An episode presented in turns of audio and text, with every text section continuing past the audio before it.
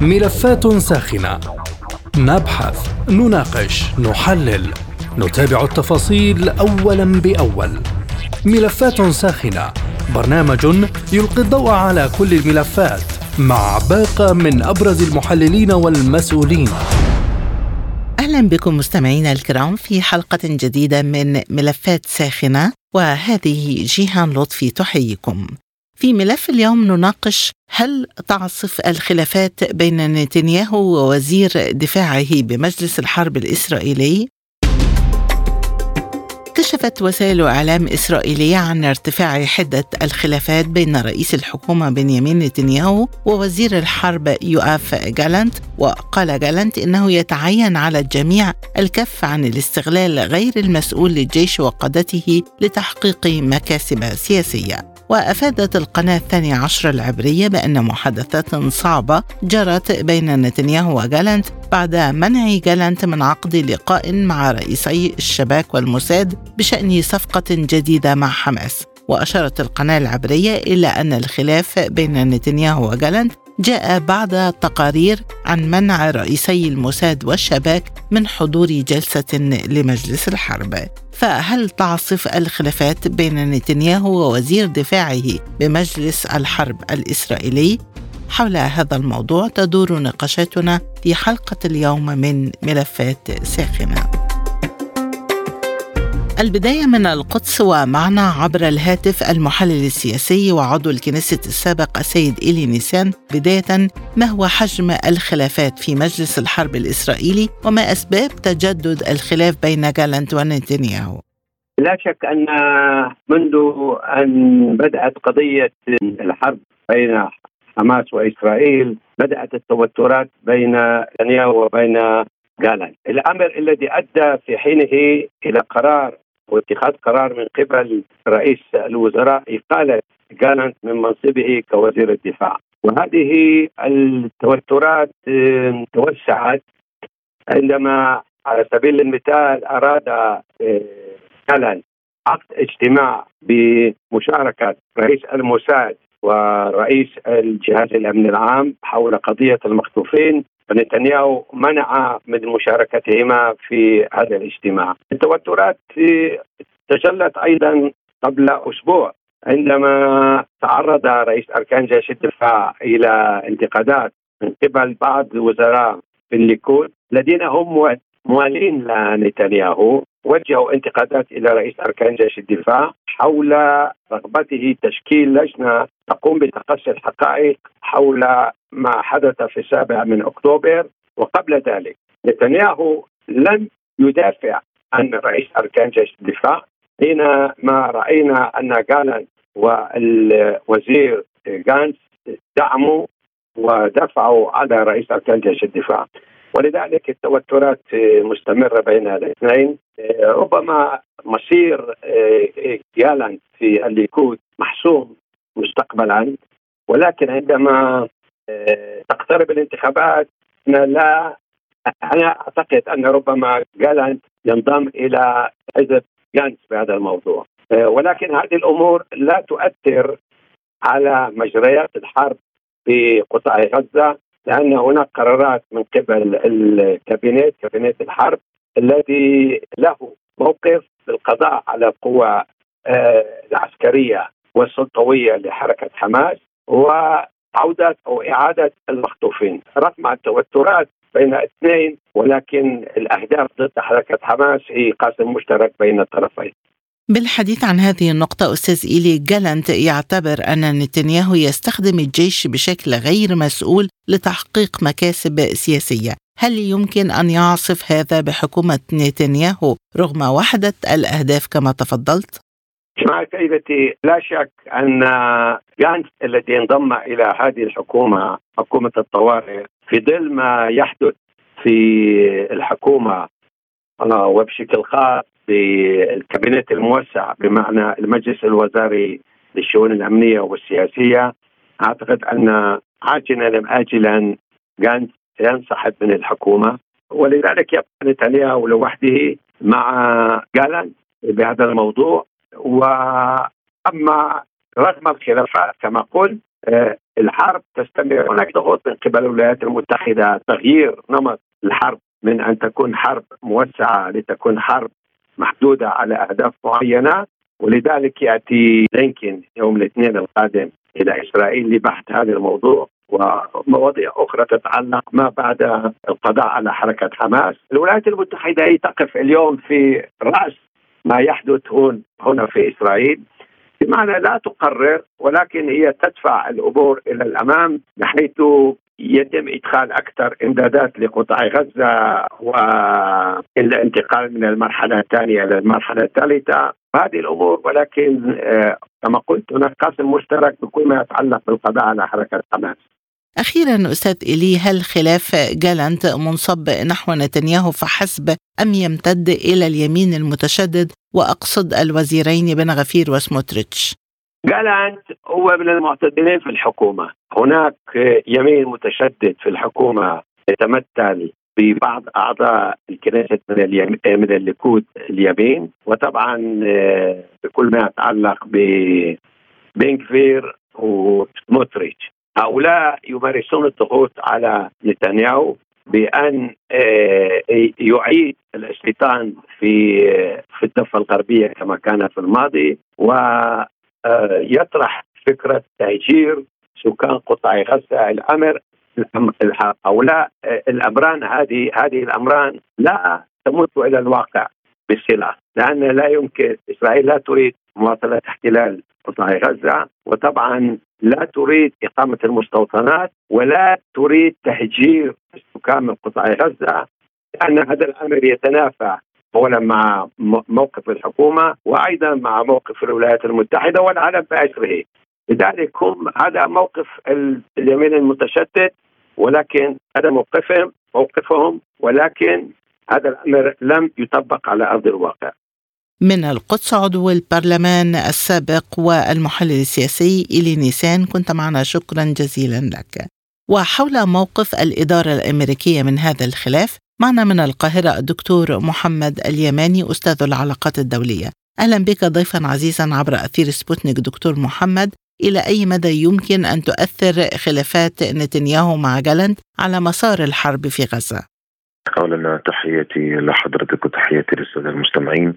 يعني خلينا في البداية نتكلم على بعض النقاط المهمة. هل بالفعل هذه الاختلافات تؤثر على مستقبل الاثنين في المستقبل القريب أو البعيد في الرأي العام الإسرائيلي أو على مستقبل السياسي لنتنياهو وجلنت في هذا التوقيت. هذه أيضا نقطة مهمة ولكن الإجابة في هذا الوقت التي يمر أو تمر بها إسرائيل وخاصة مجلس الحرب الإسرائيلي الذي يريد إنجاز بعض الإنجازات الاستراتيجية وبعض النجاحات على أرض الميدان أو على أرض المعركة هذه أيضا دوافع كثيرة جدا بأنهم يتنحوا هذه الخلافات جانبا وأن يبدأوا في التفكير خارج الصندوق وأن يبدأوا بالتنسيق مع الولايات المتحدة الأمريكية في فيما بدأوا بخصوص الأمور التي تتعلق بالاغتيالات وما شابه ذلك.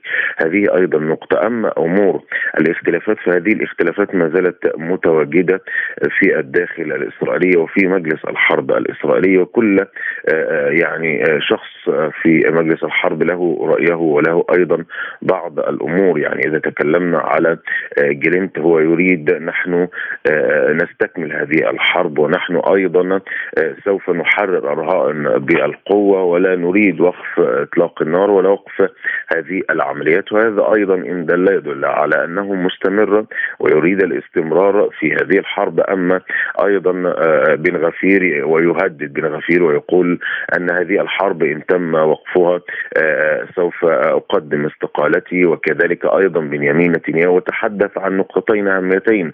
نحن نعم مستمرون في هذا القتال ولكن على الوجه الآخر نحن مع الشركاء والفاعلين بخصوص سواء الهدنة أو سواء الأمور المتعلقة بتحرير الرهائن والأسرى مع حركة حماس. كل هذه المعطيات أيضا المؤشرات تدل على أن الآن هم على رجل قلب قلب رجل واحد في مجلس الحرب لأنهم سمعه إسرائيل انهارت تماما على كافة المستويات. هذه أيضا نقطة. النقطة الأهم وأكبر دليل على أن هذه الاختلافات أنا أراها من وجهة نظر أنها لم تؤثر بانهم مستمرون وأنهم أيضا يوجد تعاون وثيق مع الولايات المتحدة الأمريكية في الاستكمال لأنهم لم ينفذوا ولم يحققوا أي هدف ثمين آه، على مدار 92 يوما من الحرب على قطاع غزة. ولكن هم يرون أن هذه الاغتيالات إلى ربما تكون اهدافا ثمينا يتم ترويجها إلى الداخل أو الرأي العام الإسرائيلي حتى يهدأ ولكن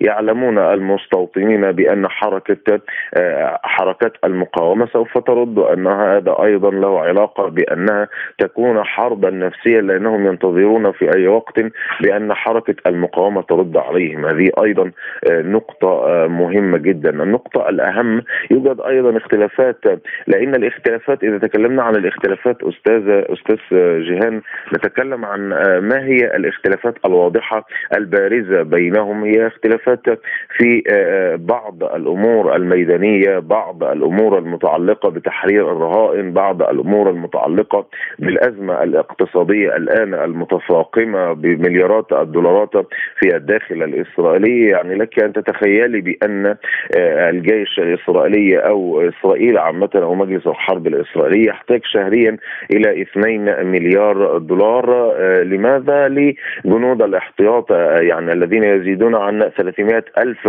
جندي هذه أيضا نقطة مهمة جدا مجال أيضا التكنولوجيا يعد من أهم المجالات في الداخل الإسرائيلي لأن إسرائيل تعتمد عليه بشكل كامل بخصوص يعني تصنيع الأسلحة وما شابه ذلك وكما نعلم بأن إسرائيل تأخذ المركز العاشر في تصدير الأسلحة هذه أيضا نقطة آه، مهمة. النقطة الأهم بأن أهدافهم واضحة وهذا أيضا إن دل يدل على أنهم متفقون على تحقيق الأهداف. هذه أيضا نقطة. النقطة الأهم وكأن الولايات المتحدة الأمريكية في الأيام الماضية قالت لهم بهذا النص نحن آه، يعني أنتم على مدار 91 يوما لم تحققوا أي شيء وعلى مدار هذه الأيام لم تحققوا أي إنجاز لابد أن يكون آه، يعني بعض الأفكار وهي الاغتيالات وهذا الذي شهدناه في الآونة الأخيرة اغتيالات سواء بدأوا برضا موسي في في آه، حرس الثورة الإيرانية في سوريا ومن ثم أيضا صالح العروري ومن ثم أيضا في آه، العراق وما تم من قبل آه، الولايات المتحدة الأمريكية في الحشد الشعبي وكذلك أيضا الانفجارات التي تمت في كرمان كل هذه المعطيات أيضا تدل على أن الوضع اختلف تماما عن 2023 وأن بداية 2024 سوف تأخذ يعني أو تأخذ منحنى متغير تماما إلى التصعيد. يعني أنا أرى بأن المؤشرات كلها يعني تدل على التصعيد. حتى هذه الزيارة زيارة يعني أنتوني بلينكن آه، إلى المنطقة وإلى أيضا خاصة إسرائيل. وكما نعلم بأن أهم ملف على الساحة الأمريكية وعلى الساحة الدولية الشرق الأوسط منبوذ لدى الدول العربية لأنه تحدث كثيرا عن الاحتلال الإسرائيلي وبأنه يعني يدافع عن نفسه وله الحق في ذلك ورد عليه أيضا سامح شكري في الأردن كان يوجد مؤتمر هناك ويعني آه، رضعوا بالكلام وقال له هل يحق بانه يعني يدافع عن نفسه ويضرب المدنيين وما شابه ذلك. هذه أيضا آه، جزئية. الجزئية الأهم أنا أرى بأن الأزمات الآن في الداخل الإسرائيلي متفاقمة للغاية وهذا أيضا له تأثير على مجلس الحرب الإسرائيلية. يعني آه، معظم القطاعات في الداخل الإسرائيلي متوقفة تماما. حتى المساعدات التي تم تقديمها من قبل الولايات المتحدة الأمريكية يعني 14 مليار دولار لم تكفي الاقتصاد الإسرائيلي ويريدون أكثر من ذلك. يعني يريدون على الوجه المادي آه، أموال أكثر ودولارات أكثر بمليارات الدولارات وعلى الوجه الآخر أيضا يريدون المزيد من الذخائر من الأسلحة وما شابه ذلك. هذا أيضا آه هذه أيضا نقطة. النقطة الأهم إن دلت هذه النقاط تدل على أن بالفعل إسرائيل تعاني ولكن برغم هذه المعاناة هم لن يتراجعوا لأنهم يقولون في أنفسهم وأيضا في العلن نحن آه, آه، لابد أن نقف وقفة كبيرة لابد أن نرد لابد أيضا أن نستمر لأن الذي حدث في السابع من أكتوبر وكأن الذي أيضا حدث في السادس من أكتوبر 1973 عندما يعني سحق يعني الجيش المصري الاحتلال الإسرائيلي أيضا والهزيمة الكبرى في 73 هذه أيضا نقطة فارقة جدا لأن هزيمة 73 غيرت مفاهيم وغيرت أمور كثيرة جدا أخيرا دكتور في ظل الخلافات والتخبط في حكومة إسرائيل هل تذهب الإدارة الأمريكية إلى التخلي عن دعم نتنياهو في هذه المرحلة؟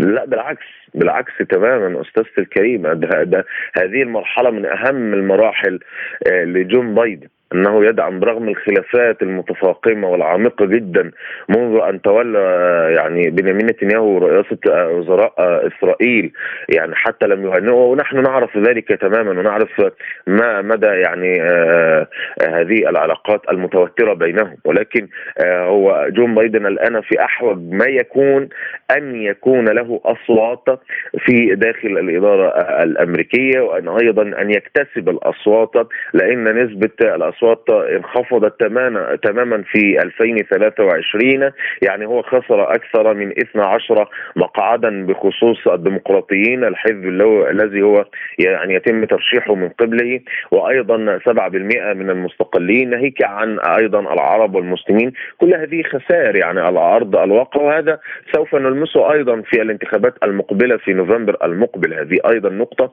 وأنا أرى بأن سوف يدعم إذا أراد بنيامين نتنياهو سواء سواء تمديد الهدنة سوف يعطي له التصريح أو سوف يعطي له الضوء الأخضر. افعل ما آه، تشاء. وأكبر دليل بأن الولايات المتحدة الأمريكية ساعدتهم في هذه الاغتيالات هذه أيضا نقطة مهمة جدا وأيضا من من فعل الاغتيالات التي تمت في العراق هي الولايات المتحدة الأمريكية. فهي وكأن الولايات المتحدة الأمريكية تقول لهم يعني تعبيرا مجازيا نحن معكم ونحن ندافع عنكم ونحن أيضا آه، سوف نساعدكم في تحقيق بعض الأهداف الثمينة التي تريدونها على أرض الميدان سواء داخل أو حتى في الخارج. هذه أيضا نقطة النقطة الأهم عندما ذهب جون بايدن بنفسه إلى تل أبيب ذهب حتى يعني يعني ينال الرضا من قبل اللوبي اليهودي الذي يعلم مدى تأثيره في الانتخابات المقبلة ومدى تأثيره أيضا في الإدارة الأمريكية. وأنا أرى بأن جون بايدن لن يرفض طلب للإدارة الأمريكية ابدا. إذا كان هذا في مصلحته برغم أن جون بايدن أيضا ورط الإدارة الأمريكية في ملفات خارجية. نتكلم عن الملفات الخارجية ملفات كثيرة يعني الحرب الروسية الأوكرانية أيضا ملفات متعلقة أيضا بخروج بخروج جون بايدن من منطقة الشرق الأوسط وأيضا الحرب في السودان. يعني أمور كثيرة وملفات على الساحة الأمريكية يعني يتم تدريسها الآن. ولكن أنا أرى بأن سيناريو الانتخابات الانتخابات يعني يذكرني بهيلاري كلينتون آنذاك عندما خسر أيضا أمام دونالد ترامب في عام 2016 عندما امتنع آه، بعض الديمقراطيين عن الأصوات ففي هذا التوقيت تم فوز دونالد ترامب وكأن السيناريو يعود نفسه وتاريخ يعود نفسه بخصوص آه، يعني الرئيس الديمقراطي بايدن. من القاهرة أستاذ العلاقات الدولية الدكتور محمد اليماني. كنت معنا. شكرا جزيلا لهذه الإضاءة. لكن هل يرتبط تصدير الخلاف بين جالنت ونتنياهو للعلن بموقف الولايات المتحدة من حكومة نتنياهو؟ حول هذا الموضوع معنا من رام الله وزير الأسرى السابق وخبير الشؤون الإسرائيلية الدكتور أشرف العجرمي. مرحبا بك معنا دكتور أشرف برأيك هل خلافات جالنت ونتنياهو حقيقية وجذرية أم أنها نوع من المناورة الحربية في خضم المعركة؟ صباح الخير يعني لا شك أن هذه الخلافات هي جدية وهي خلافات نابعة من حسابات شخصية خاصة بالنسبة لرئيس الحكومة بنيامين نتنياهو الذي يحاول تكييف كل شيء لمصالحه الشخصية خاصة في ظل الأزمة التي تعانيها إسرائيل بعد فشلها في تحقيق أهدافها من حرب غزة المدمرة. والآن نتنياهو لا يريد في الواقع الذهاب إلى عملية مراجعة آه، سواء أمنية أو سياسية للفشل والهزيمة التي لحقت بإسرائيل. جراء آه، يعني أحداث آه، السابع من أكتوبر والحرب التي شنتها إسرائيل على قطاع غزة والتي تتعثر آه، فيها إسرائيل بشكل كبير.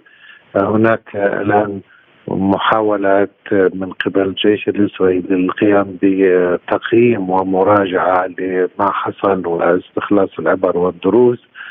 وهناك أيضا في المقابل جهات يمينية متطرفة تريد إلقاء اللوم على الجيش الإسرائيلي. ونتنياهو يؤيد هذه الجهات لأنه يريد يعني أن يخرج بعدم تحمل مسؤولية ما حصل وخاصه الهزيمة الكبرى أما جالنت فهو يؤيد الجيش وهو أيضا يفكر في المنافسة على رئاسة حزب الليكود بعد نتنياهو على أساس أن هناك توقعا بأن نتنياهو سيفشل في تبوء رئاسة الليكود بعد هذه الحرب وربما يذهب إلى السجن أيضا.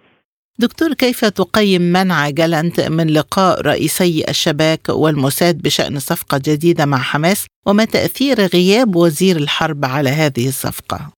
يعني هناك محاولات أن تبق أن يبقي نتنياهو كل الأوراق بيديه لأنه لا يريد أن يظهر أمام الجمهور الإسرائيلي كمن يضيع فرصة لإعادة المحتجزين الاسرائيليين في قطاع غزة، في الواقع نتنياهو يريد الاستمرار بهذه الحرب إلى ما لا نهاية ولا يريد أن ينهيها وهو يعلم أنه إذا ذهب إلى صفقه تبادل شاملة على الأقل في المرحلة الثانية من الصفقة فهذا يعني آه، الذهاب إلى وقف إطلاق نار. ووقف إطلاق نار دون تحقيق نتائج آه، يعني معناه أن إسرائيل أعلنت آه، أعلنت هزيمتها وقبلت بهذه الهزيمة ومعنى ذلك أن نتنياهو سيتحمل المسؤولية وتنتهي سيرته السياسية، لهذا السبب يريد إبقاء كل الأوراق في يديه ولهذا السبب يمنع أيضا جالنت من أن يقوم ب يعني التواصل مع رئيس جهاز الشباك ورئيس جهاز الموساد ومحاولة بلوى صفقة يعني بعيدا عنه وحتى في ظل معرفة آخرين. ولهذا السبب نتنياهو عموما يريد إبقاء كل الأوراق بيديه والقرار النهائي أيضا بيديه. الشكوى المقدمة ضد إسرائيل في محكمة العدل قد تفضي إلى إدانة أشخاص واستصدار مذكرات دولية بحقهم. برأيك هل يرتبط هذا الخلاف بين جالنت ونتنياهو بقضية محكمة العدل خاصة أن جالنت يتحدث عن استخدام غير مسؤول للجيش؟ يعني هناك مشكلات كبيرة في إسرائيل حول هذه حول هذا الموضوع. هناك من يعتقد أن نتنياهو ذهب بعملية حرب متهورة للغاية وهي التي قادت إلى تقديم آه، دعوى ضد إسرائيل في محكمة العدل العليا وأيضا ستكون هناك دعاوى مماثلة في محكمة الجنايات الدولية. وكل هذا بسبب أن نتنياهو يريد أن يعني آه، ينقذ نفسه أو يريد أن ينتقم من الهزيمة التي آه، مني بها. آه، لا يبدو أن هناك يعني صراعا بين آه، نتنياهو وجالنت حول آه، موضوع الدعوة ولكن يبدو أن هناك جهات في إسرائيل لا تريد أن تمتثل اسرائيل أمام المحكمة العليا وعلى اعتقاد أن الامتثال أمام المحكمة العليا معناه أن إسرائيل ستلتزم بأي قرار يصدر عن هذه المحكمة في حال أن يعني مرافعتها لم تغير آه، الاتجاه العام لدى المحكمة بتجريم آه، إسرائيل وتجريم عدد كبير من ضباطها.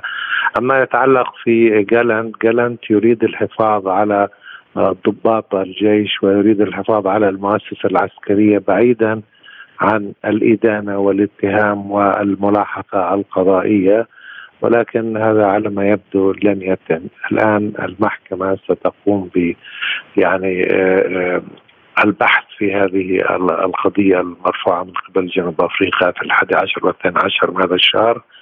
وإسرائيل ليس أمامها خيار سوى الذهاب بمرافعة أمام هذه المحكمة. علها آه، تنجح في خلق توازن. وهناك إسرائيل يعني آه، كل المسؤولين السياسيين والعسكريين في إسرائيل يعني يريدون أن تقوم المحكمة بايضا البحث في ما يسمونه جرائم حركة حماس مقابل البحث في اختراقات إسرائيل وجرائم الحرب التي ترتكبها إسرائيل. وقد ينجحوا بإدخال حركة حماس في إطار المحاسبة أو الملاحقة القضائية وبالتالي تعيين تعويم الموضوع. هذا ما تحاول في الحكومة الإسرائيلية يعني آه، تحقيقه خلال هذه المرافعات. وفي كل شيء عمليا الآن يدور البحث في إسرائيل سواء موضوع المحكمة أو موضوع المرحلة الثالثة للحرب أو موضوع صفقة تبادل الاسرى أو موضوع الممرات الإنسانية وإدخال المساعدات أو اليوم التالي للحرب في غزة. كل هذه المواضيع على الإطلاق هناك صراعات قوية وخلافات عميقة وجدية في إسرائيل حولها. إذا إلى أي مدى يرتبط تصدير هذا الخلاف للعلن بخلافات واشنطن مع نتنياهو حول المرحلة المقبلة وأي رجلين أقرب إلى الإدارة الأمريكية نتنياهو بعلاقته مع مجتمع المال أم جالنت بعلاقاته العسكرية؟ يعني الأكثر موضوعية في العلاقة مع الولايات المتحدة الأمريكية هو جالنت لأن الولايات المتحدة الأمريكية الآن بدأت لديها انتقادات لنتنياهو وشركائه الأكثر تطرفا في الحكومة آه، سموتريتش وبنغفير. وتعتبر الإدارة الأمريكية بأن نتنياهو يعني فاشل في إدارة الوضع بإسرائيل. ومع كل الدعم الأمريكي المقدم لإسرائيل لا يوجد أي إمكانية للنجاح خصوصا أن إسرائيل لم تحدد أهدافا واقعية أو سياسية للحرب على قطاع غزة وهذا ما تريده الولايات المتحدة الأمريكية. ومن يمنع ذلك في حقيقة الأمر هو بنيامين نتنياهو هو الذي لا يريد أن يحدد اهدافا سياسية للحرب ولا يريد البحث في اليوم التالي للحرب. حتى أن آه، رئيس آه، أو وزير الدفاع جالنت طرح خطة للجيش لليوم التالي للحرب حتى لو كانت غير مقبولة على الأقل لديه خطة. ما ونتنياهو رفض بحث هذه الخطة في المجلس الوزاري. بمعنى أن نتنياهو يحاول تأجيل البت في مصير الحرب والوضع اليوم التالي بعد هذه الحرب وهو مخالف تماما للموقف الأمريكي وعلى ما يبدو هذا سيحدث في نهاية المطاف صداما أمريكيا إسرائيليا لأن الولايات المتحدة الأمريكية لا يمكنها أن تقدم مساعدات إلى ما لا نهاية في ظل عدم وضوح ما هي الرؤية الإسرائيلية والاهداف الإسرائيلية للحرب وإذا كانت واقعية أم لا. أخيرا دكتور أشرف سؤال حلقة اليوم هل تعصف الخلافات الداخلية في إسرائيل بمجلس الحرب الإسرائيلي؟ يعني هناك مطالبات آه، من قبل وزراء في المجلس آه، السياسي الأمني الحكومة الإسرائيلية عموما آه، بإلغاء مجلس أو المجلس الحربي أو المجلس الوزاري الذي يقود الحرب والعودة إلى الحكومة على اعتبار أنه يعتقدون أن مجلس الحرب ليس مخولا باتخاذ قرارات يعني جذرية أو عميقة أو استراتيجية فيما يتعلق بمصير الحرب أو فيما يتعلق ب اليوم التالي للحرب. عموما المطالبات من اليمين المتطرف ومن بعض أعضاء حزب الليكود بأن منح مجلس الحرب صلاحية واسعة. بما في ذلك الجيش والمستوى الأمني هو مخالف للقواعد التي يتم فيها الحكم في إسرائيل. على اعتبار أن الحكومة هي المسؤولة وليس الجيش، الجيش عليه التنفيذ. وهذا جزء من الخلاف الذي تم في الاجتماع الأخير. بحديثي إلى الدكتور أشرف العجرمي وزير شؤون الأسرى السابق وخبير الشؤون الإسرائيلية من رام الله. نكون قد وصلنا إلى ختام حلقة اليوم من ملفات ساخنة. للمزيد زوروا موقعنا سبوتنيك dot A, E. مستمعينا بهذا نصل وإياكم إلى نهاية هذه الحلقة من برنامج ملفات ساخنة. طابت أوقاتكم وإلى اللقاء.